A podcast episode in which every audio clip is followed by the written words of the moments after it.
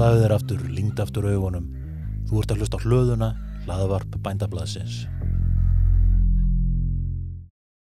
Það drýfur mig að einhver leita áfram að sína að koma getur verið fórsturi nýskoðanir fyrirtækið sem er að smíða mjög tæknilega verið.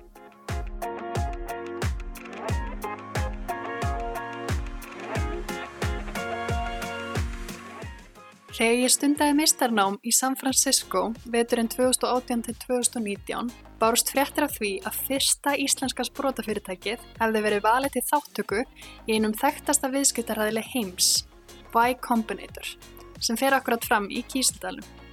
Það var fyrirtækið AVO en meðstofnandi og framkvæmdustjóri þess er engin önnur en Stefania Bjarni Ólafsdóttir.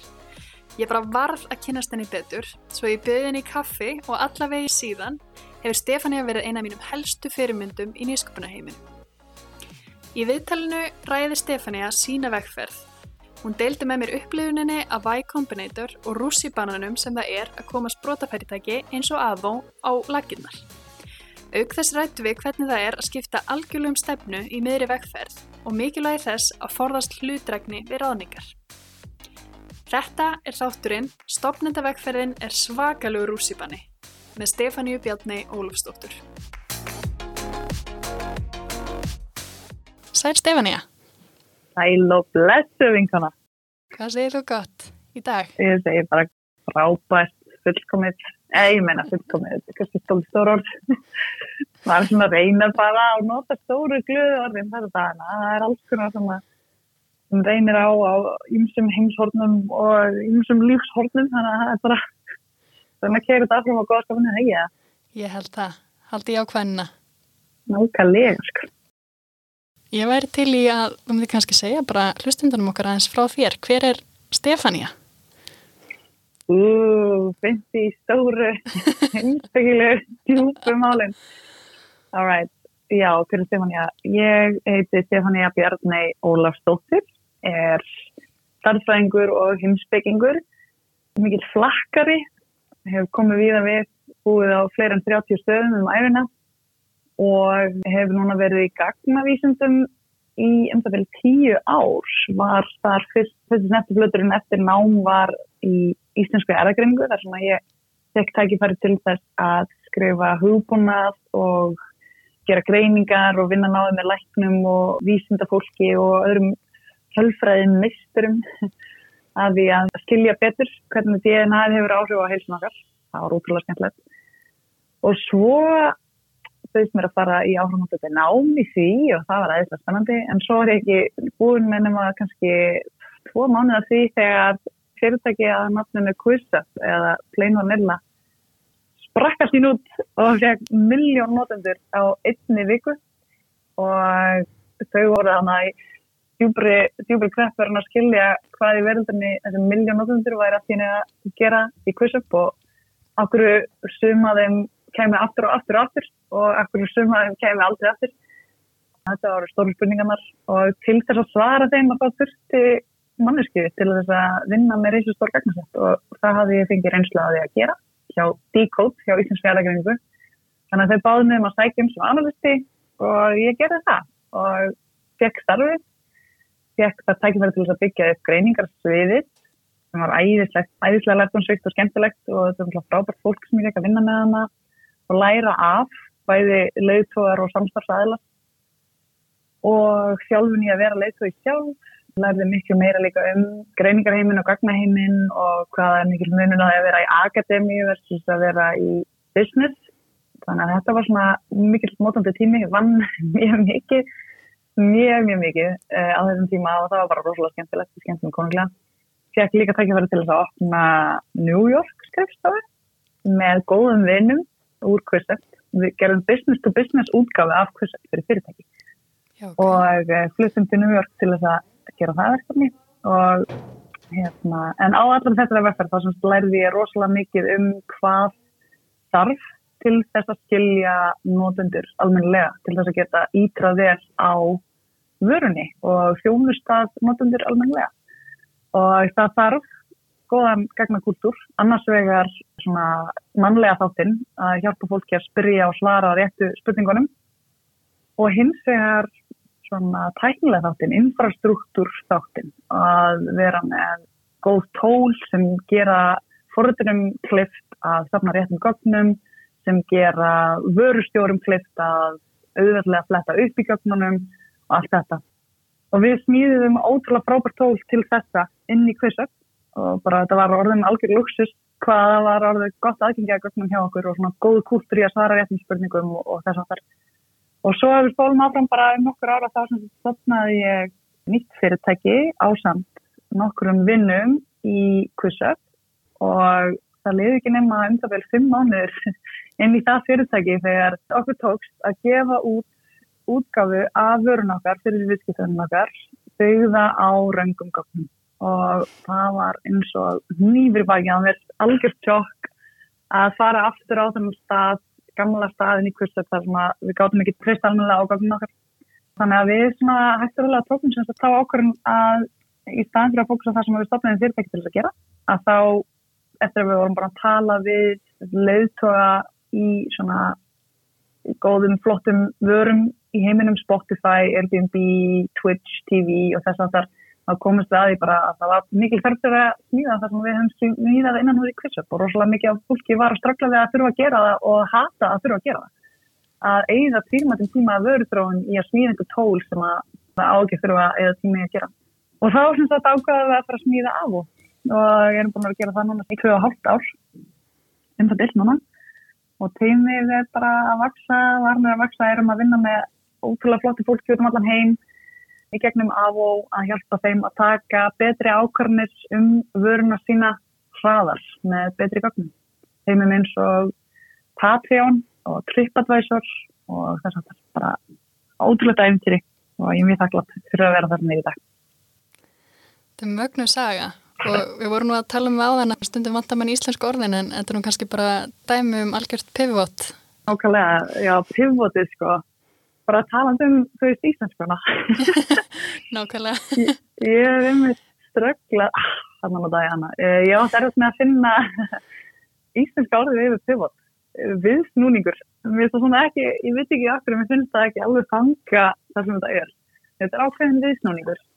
Og já, sannlega tókum við þarna alveg ég veit ekki hvað ég var að segja sko, bara 470 gráðu viðsnúning sko, en það var algjörlega allt annað sem við fórum að smíða hana. Já, það er rétt Nákvæmlega. Sko, nú kannski er fólk sem er ekki kannski mikið búið að vera í frumkvöla stúsi, um, veit ekki nákvæmlega hvað pivot eða, eða nýstnúningur eða hann endur stefna kannski þýðir. Endur stefna? Mm. Getur verið. Getur þú útskýrt aðeins? Já, algjörlega. Ég get gert mitt besta til þess að útskýra hvað það, hvað það þýðir. Það þýðir það bara að fyrirtæki eða teimi er að vinna að einhverju ákveðinu verkefni, að smíða einhverju ákveðinu vöru og á leiðinni að þá eru einhverjar vörður sem benda í aðrar áttir annarkort af því að það er betra einhver annar staðar eða af því að þau uppgötu að það er kannski ekki markaður fyrir vöruna sem þau eru að smíða. Það er svona margar ástæði fyrir þessu. Eða bara þau hafa ástriði fyrir ykkur allt öru heldur maður heldur að það er margar ástæði. En í grunnum þá snýst þetta bara um að leiðin breytist á leiðinni sem er bara þetta er frekar eðlilegt og mjög algeng saga. Eh, og frekar sjálfgeft kannski að fólk byrji bara með mjög skýran tilgang og ná einhvern veginn að fara þunga alla leið. Og náttúrulega þekktustu dæmin kannski verandi til dæmis eins og flak mm, þetta er svona kannski eitt þekktast dæmi um pivot eða viðsnúning þar sem að stopnandin og teimið, uppnáðulega teimið voru að vinna að leik sem gekk ekki upp og þau svona höfðu svona eiginlega bara lokað allir hægt allir starfsmi að þessum leik og þetta hafði ekki gengið. Þau ákvaði að taka saman og hérna og endur smíða tólinn sem þau hafði nota til einn samskipta innan hús og þetta er náttúrulega staðar sem ég tengi mjög mikið við af því að þetta byggir á því að nota eða vöru væða lausnina við vandamáli sem maður sjálfur hefur. Og það er náttúrulega skemmtilegt líka við þetta er að þetta er ekki í fyrsta skipti sem stúart stofnandi slag á nákvæmlega svona sögu. Þannig að áður reynda að smíða leik sem gekk ekki upp og endaði á því að smíða í staðin flikkar sem að er myndaforrið og var það alveg reysa stort á sínum tíma og var í rauninni einu staður svona, eða svona aðal staður með internetan þar sem að fólk var að deila myndum þetta er svona önnur hans svona staga þar sem að hann byrjar á einhverju vegferð og fyrir hérna til einhverju aðra, aðra vegferð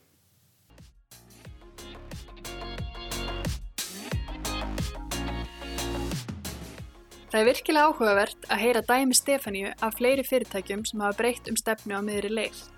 Vegferðir eru sannlega fjölbreyttar og frumkvælar enda alls ekki alltaf þar sem þau sáu fyrir sér að enda. Þetta er það sem Stefaníu hafði við það að bæta.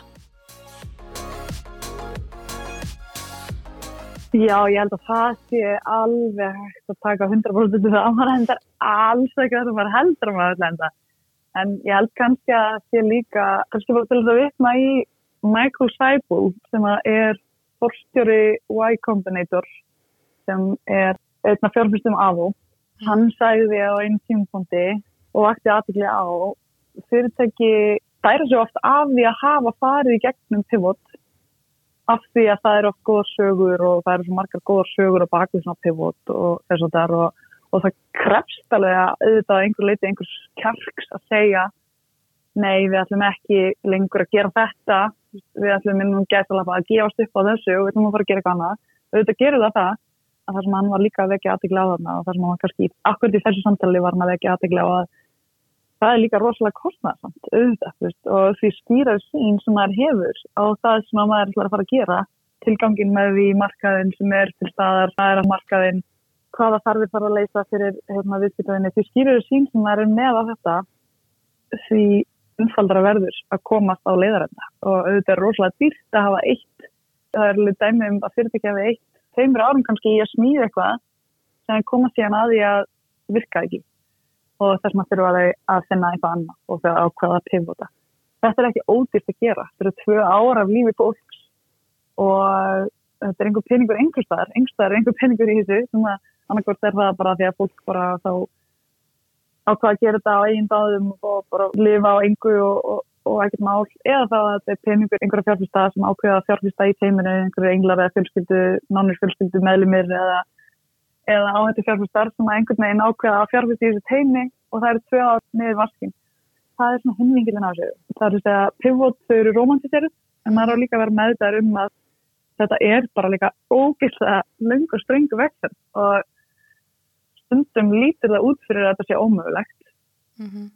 en úrræða gott fólk finnur þá einhvern veginn kannski leið til að fara fram hjá áskorunum án þess að taka ofstort pivot, myndi ég að segja.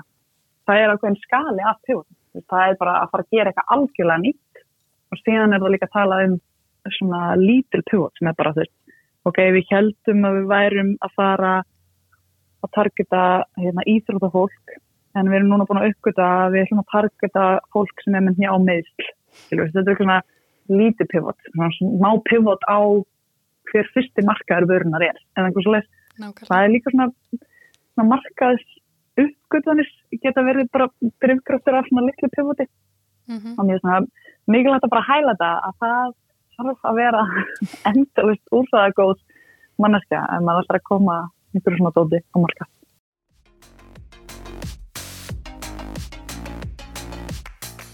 Ég hef áður spurt viðmælundu mína hvað sé eiginlega í vatninu hjá nýsköpunafyrirtækjum eins og Össuri og Marel, en sama verðist sannlega gilda um plain vanilla á sínum tíma. Hér er það sem Stefania hafði um það að segja.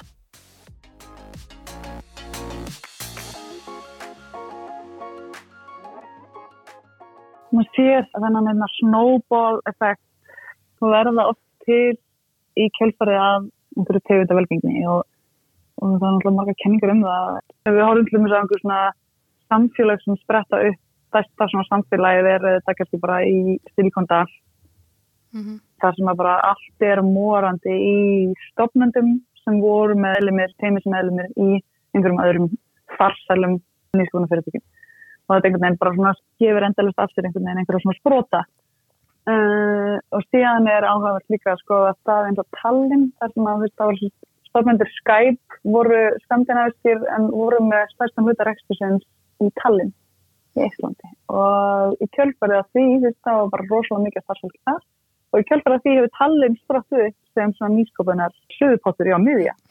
Þetta er svona líka í Finnlandi, það er svona kannski doldið mikilvægt fókus á leiki en samt ekki algjörlega. Það eru við með fyrirtæki eins og Nokia og Rovi og leikafyrirtæki og svona sem að hefur síðan orðið til þess að það hefur bara orðið annar svona miðpunktur í kringum nýsköpunar líf þar og það er við með þarna eins og Slush ráðstöfnuna sem er svona nýsköpunar ráðstöfna í Evrópu eða Skandinavíu.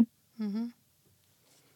Og þetta er náttúrulega því ég held að þetta er svona eins og Plain Vanilla og Marel og Oz er náttúrulega annað dæmi um þetta á Íslandi. Þetta er bara svona mikroútgáður af þessu. Þú bara ert í kringum fólk sem er skapandi og þú sér mögulegan á einhverju og þá er það ekki jafn fjarlægt. Og þá er það að því náttúrulega möguleiki fyrir þig eða fyrir þig og vinniðina eða eitthvað svolítið að þetta eitthvað sambarlega leið.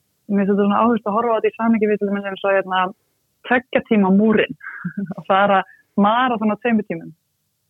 Og sama með hvernig var áttur að fara mílu á fjóru mínútum eða hvernig var þetta, ég man ekki, það var eitthvað sá múru á brotin fyrir einhverjum, fyrir tölvöld mörgum árum síðan, er maður það var gert, þá helt fólk bara að það verið ómögulegt.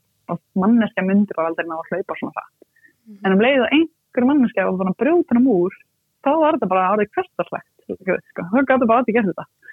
Það verður áhverð að fylgjast með hérna, marathonmóri núna. Bara ótrúlega lengi hefur fólk bara haldið bara menni það er fysikali ómögulegt það er bara er ekki hægt.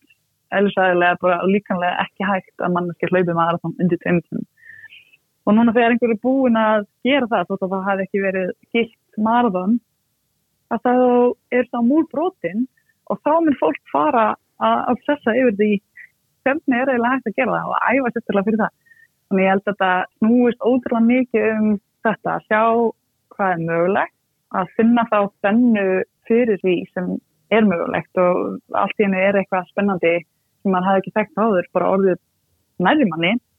Mm -hmm. En síðan náttúrulega líka eitt sem er aldrei hægt að taka út fyrir held ég myndina hérna sem er náttúrulega bara tengslanetti sem verður til í svona þessum. Þannig að allt í henni er maður komin í tengslanetta fólki sem bara er opið fyrir æfintýrum en það getur aðað þannig það er ekkert allar manneskir endilega sem er alltaf tilbúin að stakka á æfintýri og óvissi og nýskapuna fyrirtæki í eðlusinni eru yfir þannig að þú veist ekki hvort þú verður með vinnu eftir náttúrulega mánuðis hérna, það er alltaf það það er bara fólk nálagt manni sem bara hefur ekki náða að borga. Ég meina vinnum minnum daginn var að segja öllu starfsfólkinu síni og það er núna einn stafnandinn aftur af því að hann þurfti að endur skoða bara hvernig hann struktúrðaði fyrirtæki og það er alltaf ótrúlega flókin ákveðum að gera og taka. Og fólk sem gengur til liðs við nýskapuna fyrirtæki sem starfsfólk eða meðeigendur það er alltaf bara að veita að þetta er möguleiki líka. Þannig að þetta er svona ævindir að drá og að vera umkringdur svona fólki sem að er hugsað svolítið líka sko ég held að það spilir mjög mikið inn í Alveg klálega Talandum að vera umkringt frumkvölum og skapandi þingjandi fólki, getur sagt mér aðeins frá Y Combinator og hvernig reyr hjá af og endur þar fyrst íslenskra sprota? Já, það er alltaf aðeinsvægt vilgur hefur að fá að hafa tekið það til þeirri vegferð. Y Combinator er sem sagt fyrsti svokallaði viðskipta nýsköpunar hraðall heims, stopnaður bara svona upp úr aldamótunum af fjórum mannskjum og svona þekktustu nöfnin þar eru Paul Graham og Jessica Graham sem er hjón. Og þetta er svona nöfnin sem langt flestin kannastu vækombanettur þekkja. Og þau stopniðist þennan hraðal á þeim fórsendum að þau hafa áhuga á að hjálpa fleiri sprótum að komast á lakinnar. Þau hefðu sjálf verið í einn branda og verið með tengd svona nýsköpunum víðunum og þau langaði til þess að taka næst átt í að hjálpa fleirum að gera það, hefðu verið að fjárfesta, bara svona litlar svokallar englafjárfestingar og ákvaða að stopna svona prógram þar sem að í staðan fyrir að vera bara að hjálpa einu fyrirtæki að þá bara eru við að hjálpa átta fyrirtækjum á sama tíma. Og setja svona tryggja mannaða prógram í gang. Bara, ok, og þá var það bara intens og þá bara eru við að fókusa saman á okkur vandamál og fyrirtæki hjálpa okkur stöður að halda sér við efnið. Og þau voru með office hours. Alltaf. Og er ennþá kalla það það er sem öll teginn hittast og setjum markmið fyrir næstu tær vikur og fara yfir hvernig markmiðin fyrir síðustu tvær vikur gengur og svona deila sínum helsta áskorunum og hjálpa staði að leysa þau. Og þetta er náttúrulega bara rosalega góður vettungur til þess að halda sig við efnið og finna stuðning af því að topmyndavegturinn er bara svo svakalega rúsipanni. Það er svo mikið upp og niður, það er bara á einum degi að það fer maður hægstu hæðir og lægstu læðir bara oft, oft yfir þannig sama dag. Og ég kannski sjálfspartlum hafði ekki skilið hversu mikið rúsipanni þetta er þráttur til að hafa tekið þátt í Quizzup og Quizzup var svakalega rúsipanni en það var stjárnstæðir munur að vera að taka þátt sem stjórnmandi í Quizzup heldur en að vera stofnandi og eigandi eins og visku og hafa. Og það kom mér sjálfur mjög mikið óvart. Það var ekki nefn mikið vennur á sig og það að vera með svona hópa fólki kringu sig sem er að ganga í gegnum sögum erfnalegu vandamálin sem er ekkert einhvern veginn hægt að googla lausnina við og maður getur ekkert endilega að tala um það heldur ofnbarlega það er bara rosalega mikið stund fyrir því Þannig að svona þessi stopnarnarsagan var bak við Y Combinator og í rauninni Y Combinator er, myndi ég segja, nýsköpuna fyrirtæki líka í sjálfu sér því að þau byrjuði með þessa hugmynd með aftafyrirtæki og síðan tókst þeim einmitt eins og öll nýsköpuna fyrirtæki er að reyna að gera að skala upp hugmyndinu sína. Þannig að núna það sem Y Combinator eru í dag er fullt af litlum svona hópum. Þannig að þegar við fórum í gegnum Y Combinator, það var veturinn 2019 sem við gerum það gegnum náttúrulega aðal með þetta svakalega stuðningsnett af fjárfustum og sérfræðingum, sambarlegum Paul Graham og Jessica Graham. Og þá vorum við líka með einmitt sjö eða átta ömur fyrirtæki sem við vorum saman í hópi og hittum þetta reglulega. Og síðan náttúrulega er bara einhvern veginn tengslanetið sem er búið að byggjast upp í kringum Y-Combinator er ótrúlegt og eitthvað sem maður minn alltaf einhvern veginn lifa á sko. Og það fyrir mig sem við hefum með hvað er ótrúlegt fólk sem maður einhvern veginn getur núna sendt e-mail og spurt einhverja spurninga og bara því að maður er fellow Y-Combinator member að það fær maður bara svo á, á sama degir. Ég er mjög þakklátt fyrir það. Þannig að þetta var alveg skemmtilegt. og líka var það skemmtilega tími. Þetta var svona, við flutum öll út til San Francisco eða rétt sinna á San Francisco og byggum hann bara í einhverju útkörri í einhverju húsi og vorum bara, þú veist, basically flestar inni í það vinna 16 tíma á dag eða 8 tíma í dag og, og sofa restina. Svo bara fórum við einhvern veginn aðeins út að hlaupa kannski og spiliðum aðeins á gítar og gríniðum eitthvað aðeins og borðiðum ís og svo bara back to work. Og það var einhvern veginn útrúlega skemmtileg stemming það, það var svona að kannski einhvern svona smá svona einhvern skóla stemming sko sem er oft gaman. Og síðan sem þetta endar Y Combinator alltaf á svo kvöldum demo day þar sem að þetta fyrirtökinn sem er að fara gegnum þann skamt, þann skamt af fyrirtækjum. Mm -hmm. Þau fara upp á svið og segja frá því hvað þeir að gera og allum svona farsalustu fjárfustum heims eða lagmættileiti í sílkondar er síðan búið á þennan atbyrð og síðan keppastöðum að fá fjárfusta í fyrirtækjunum. Og þetta er náttúrulega líka var alveg ótrúlega upplifin og það sem var svo skemmtilegt var síðan líka stemningin í kringum, ég menna við vorum í litlum hópi af afturfinnum En síðan voru líka meðlumir í að þetta voru hundrað eitthvað fyrirtæki sem voru þarna með okkur á sama tíma. Og stemmingin í hérna Y-Combinator húsinu á svona undirbúningstímanum fyrir demodegi var líka ótrúlega skemmtilega þetta var svona að þetta er sko Y-Combinator er svona þetta er þessu kannski 100 pluss 100-200 fyrirtæki sem fari gegn um hvert skam mm -hmm. og þannig að það er fylgta fólki þar á stopnendum, ótrúlega klári fólki sem fari gegn um eitthvað svakaland fyrstir og Y-Combinator hefur ákveðið að fjárfesta í þeim mm -hmm. og síðan eru ótrúlega klárir fjárfesta líka sem að eru öll fyrrum eða núverandi stopnendur sjálf og hafa stelt fyrirtæki eða fara með það publika eða eitthvað. Þannig að það er fólk sem er að, er að leiðbuna manni en svakalega reynsli.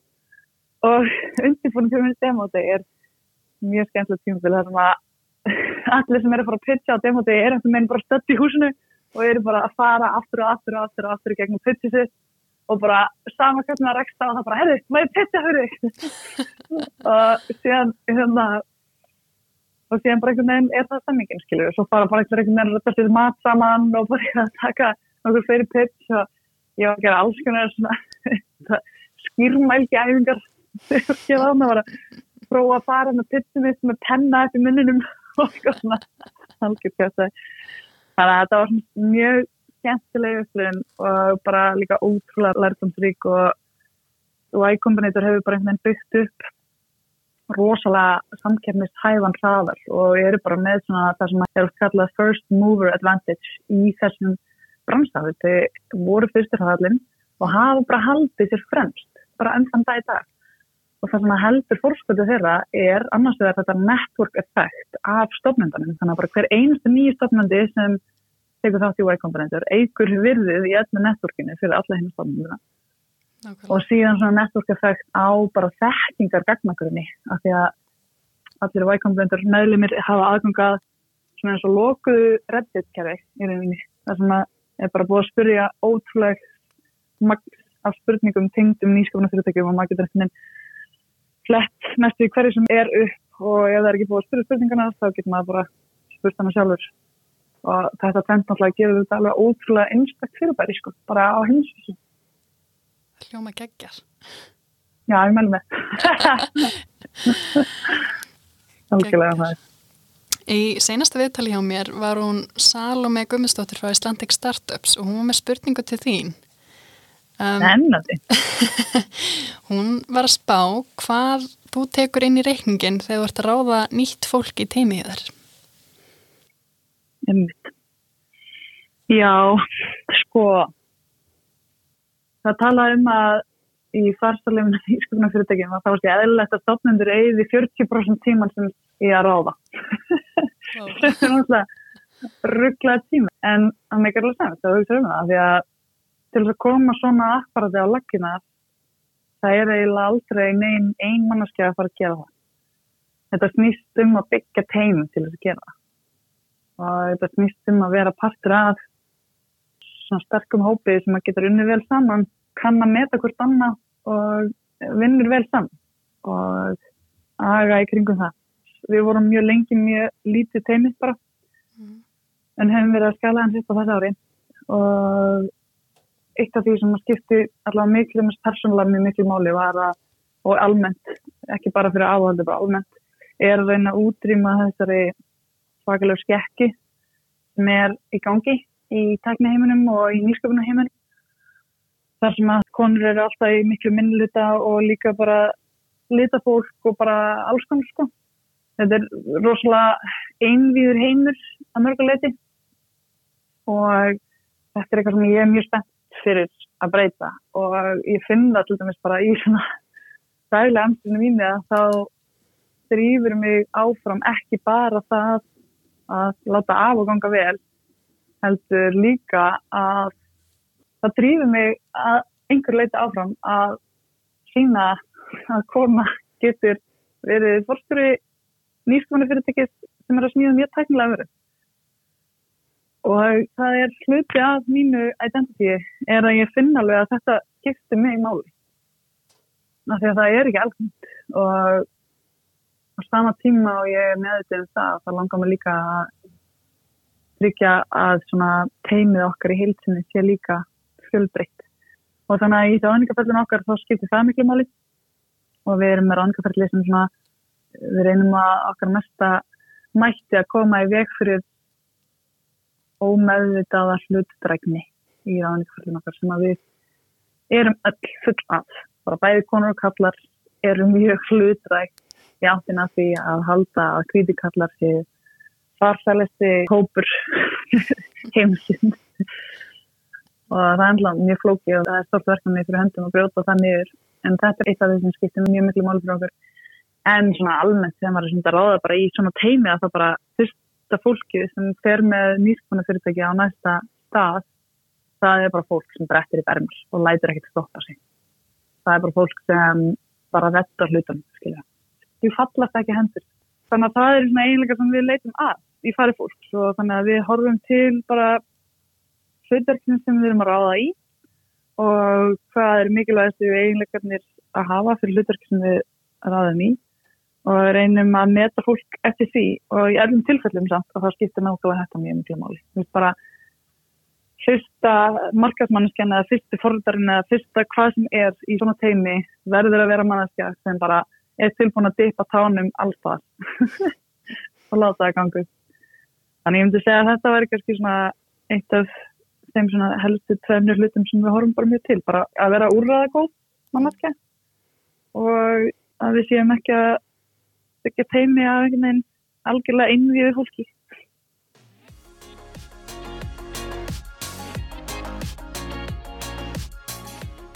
Það er óhægt að segja að Stefania og Avó teimið séu mjög meðvituð þegar kemur að mikilvægi fjölbreytni og jafnra tækifæra í eigin ráðningu. En hvernig telur Stefania að hægt sé að jafna tækifæri hvenna í nýskupunarumhverfunu í heilsinni?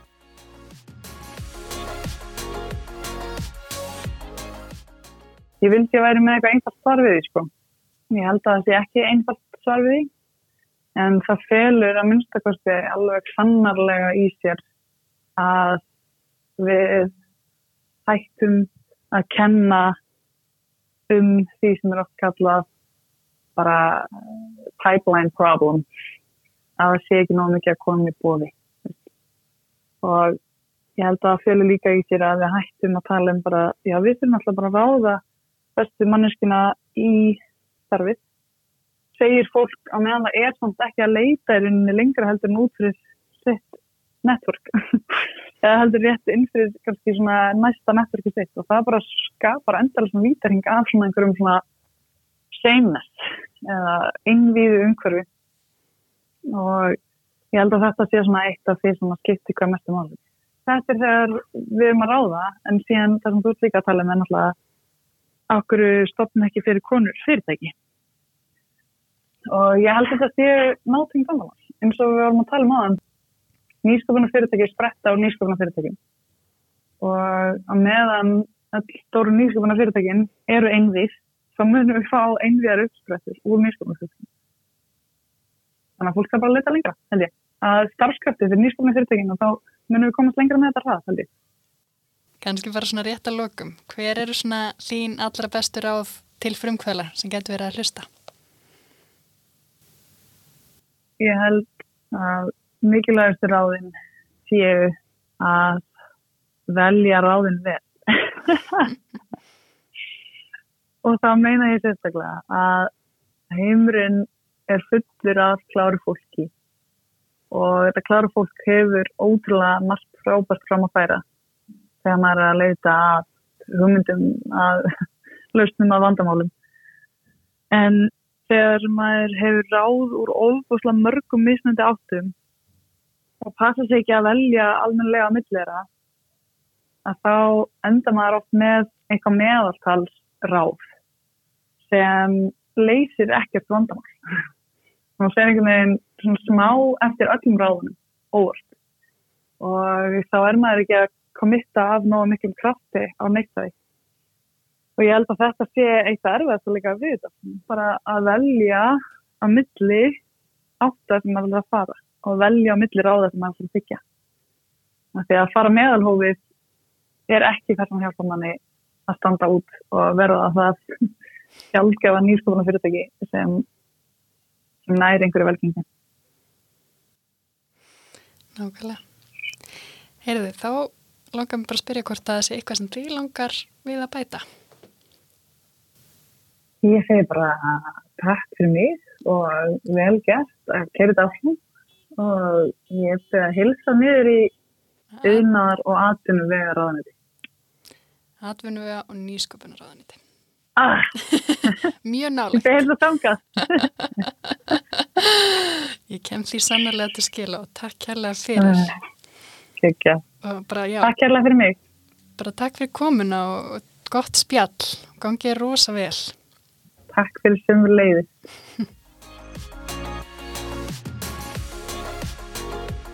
Það var ótrúlega skemmtilegt að tala við Stefáníu. Ég vona að þið hafi notið þess jafn mikið að hlusta og ég gerði að fá að spjalla við hana. Í næsta þætti ræði ég við þær Andreu og Kristjónu, stjórnarkonur ungra aðtapnakvenna, UAK. Ekki missa því.